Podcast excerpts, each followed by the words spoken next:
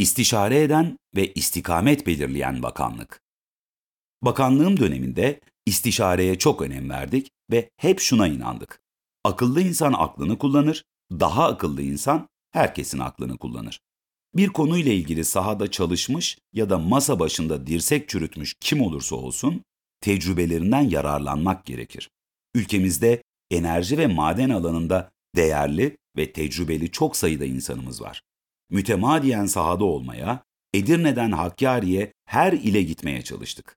Gittiğimiz yerlerde teknikerinden mühendisine kadar herkesi dinlemeye, onların fikirlerini yaptığımız işlerde dikkate almaya çalıştık.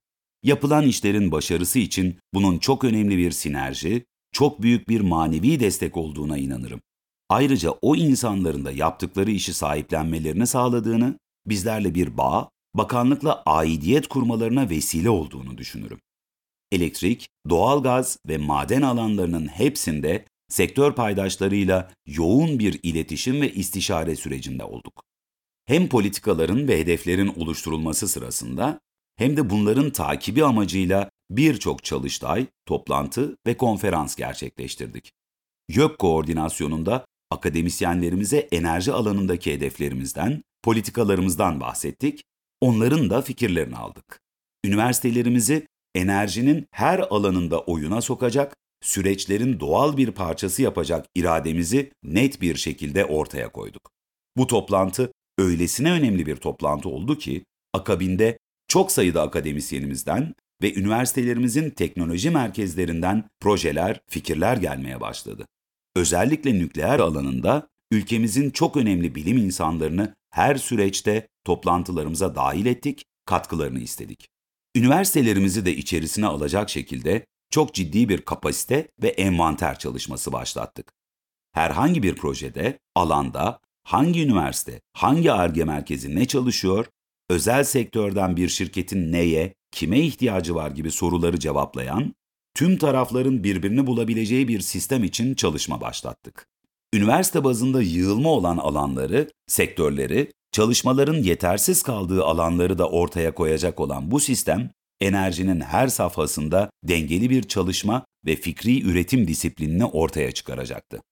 Elektrik Dağıtım Hizmetleri Derneği Elder'in düzenlediği yıllık sektör toplantıları kapsamında 21 dağıtım şirketiyle ve kamu kurumlarıyla bir araya gelerek sektörün performansını ve ihtiyaçlarını değerlendirdik. Yepyeni bir çalışma usulüyle performans geri bildirim kültürü oluşturduk. Her bir dağıtım şirketinin performansıyla alakalı katılımcılara detaylı sunumlar yaptık. Bu toplantılarda performansları geçmişe göre iyileşmiş veya kötüleşmiş dağıtım şirketleriyle iyi uygulamalar ve sorunlu uygulamalarla ilgili görüşmeler yaptık. Düzenli kamuoyu anketleriyle sahanın nabzını tuttuk ve güncel geri bildirimler sunduk. Elektrik abonelerinin aldığı hizmetle alakalı memnuniyetlerini artırmak için her bir dağıtım bölgesinin neler yapabileceğine dair tavsiyelerde bulunduk. Kamu kurum ve kuruluşları tarafında yapılması gerekenlerin bir listesini çıkarıp daha sonra konunun takipçisi olduk.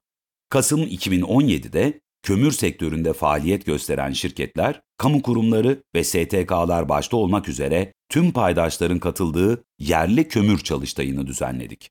Bu çalıştayda yatırım ortamının iyileştirilmesi, güvenli ve modern madencilik tekniklerinin sektörde yaygınlaştırılması temel konu başlığımız oldu. Aidiyet duygusunun önemi. Bilimsel analizler, istişareler, ortaya konulan güçlü vizyon. Bir stratejinin bir projenin başarıya ulaşması için olmazsa olmazlardır.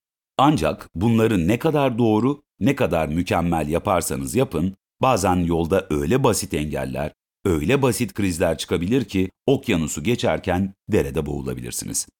Yöneticilik hayatım boyunca prensip olarak belirlediğim, bakanlıkta da uygulamaya çalıştığım başlıca yönetişim modelim her çalışana, her yöneticiye belli oranlarda sorumluluk vermek sonucu çıkarmak için onu özgür bırakmak oldu.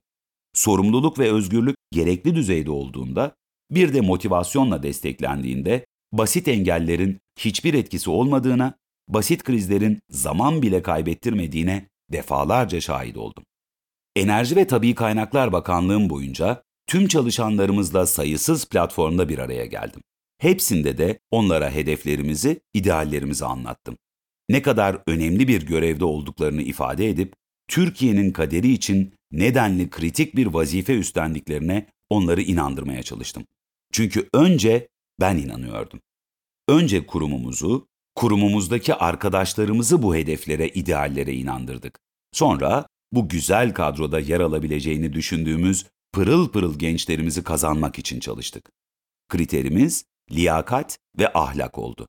Yaptığı işi iyi bilme, işi sonuna kadar sahiplenme, ülkesi için üstlendiği sorumluluğun farkında olma ve istikametten sapmama. Bu kriterlerdeki arkadaşları aramıza katmak için bir dizi proje gerçekleştirdik. Çok şükür artık uzun vadeli, 30 yıllık, 50 yıllık, 100 yıllık planlar yapan, hedefler koyan bir Türkiye var. Bu planlara ulaşmak için yapılması gereken en önemli şey bu süreci besleyecek ve işletecek insan kaynağını yetiştirmektir.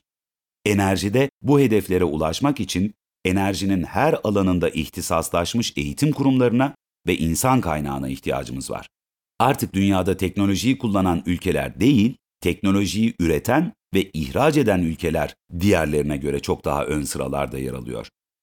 Bu insan kaynağını hem oluşturmak, hem geliştirmek, hem de kazanmak için uygulamaya koyacağımız hemen her projede ön şartlardan biri olarak yerli insan kaynağından azami düzeyde istifade edilmesini şart koşmamızın sebebi de budur. Örneğin YEKA projelerinde nükleer alanında, maden ve sondaj alanlarında bu tür stratejileri sürdürülebilir hale getirip yalnız iş gücü olarak değil, teknolojik dönüşümün merkezine de hep Türk mühendislerini koyduk. 2017 yılında yalnızca Elektrik Üretim AŞ ve Türkiye Atom Enerjisi Kurumu 132 öğrenciye yurt dışında en kaliteli, başarı sıralamasında ilk 500'de olan okullarda yüksek lisanslarını ve doktoralarını bitirmeleri için burs sağladı. Bu sayıyı bir yıl içerisinde %60'ın üzerinde arttırarak 2018 yılında 218 öğrenciye aynı imkanı sunduk. Öğrenciler başta Amerika, Kanada, Avustralya, Finlandiya, İsveç, Belçika, İngiltere, Fransa, Almanya, Güney Kore, Japonya, Çin ve Rusya olmak üzere birçok farklı ülkede eğitimlerini tamamlamış olacaklar. Yurt dışında aldıkları eğitimle gençlerin enerjide ileri teknoloji ve yeni projelerle yurda dönüp memleketimize hizmet etmelerini hedefledik. Akkuyu Nükleer Güç Santrali, Akkuyu NGS'de çalışmak üzere daha önce Rusya'ya nükleer alanında eğitim görmek için gönderdiğimiz birçok gencimiz oldu. Bu gençlerimizin 35'i 2018 yılında projede yer almak için eğitimlerini tamamlayıp ülkemize döndüler. Çok önemli gördüğümüz bir diğer konuysa ara eleman konusunda sektörün sorunlarını çözmek oldu. Bu bağlamda enerji ve maden alanında teknik liseler oluşturulması konusunda Milli Eğitim Bakanlığı ile çok yakın bir çalışma sürecine girdik. Politikamızın bir parçası olan Milli Enerji Eğitim Hamlesi kapsamında 9 ilimizde 16 derslikli 10 adet tabi kaynaklar ve yenilenebilir enerji teknolojileri lisesi açılması noktasında Milli Eğitim Bakanlığı ile 2018 yılında bir protokol imzaladık.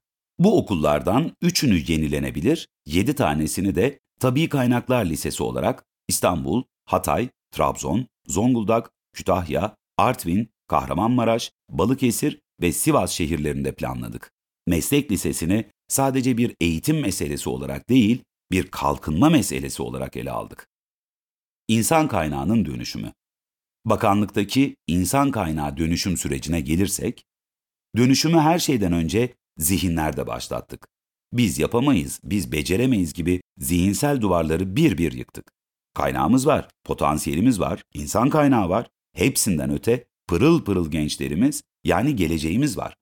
Biz denizlerde arama yapamayız. Ararsak da bulamayız. Bulsak bile çıkaramayız şeklindeki olmaz ile başlayan tüm cümleleri yasakladık.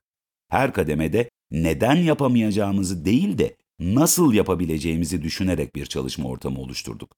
Bakanlıkta özel sektörde çalışmış başarılı ve deneyimli yöneticilerle, kurumlarda pozisyona uygun arkadaşlar objektif ölçümlerle seçildi ve sinerji oluşturacak bir takım meydana getirdik. Performans sistemi oluşturarak hedef odaklı bir çalışma evreni kurduk.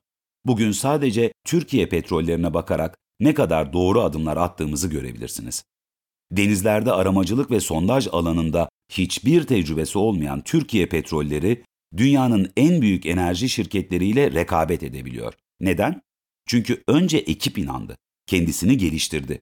Yapamayız kolaycılığına düşmedi.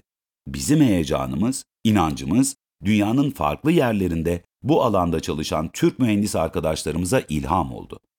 Bulundukları pozisyonları bırakıp bu tarihi projede, bu idealde çalışmak istediler. Yüzlerce genç mühendisimiz biz de yer almak istiyoruz diyerek iş başvurusunda bulundu. Türkiye Petrolleri gençler için en önemli kariyer hedefi kurumlardan biri haline geldi. Benzer tabloyu yenilenebilir enerjide de yakaladık. Orada özel sektör eliyle oldu ama kamunun vizyonu ve yol açması sayesinde nihayete erdi. Şimdi Türk mühendisleri Made in Türkiye yazılı en ileri teknoloji güneş panellerini üretiyor.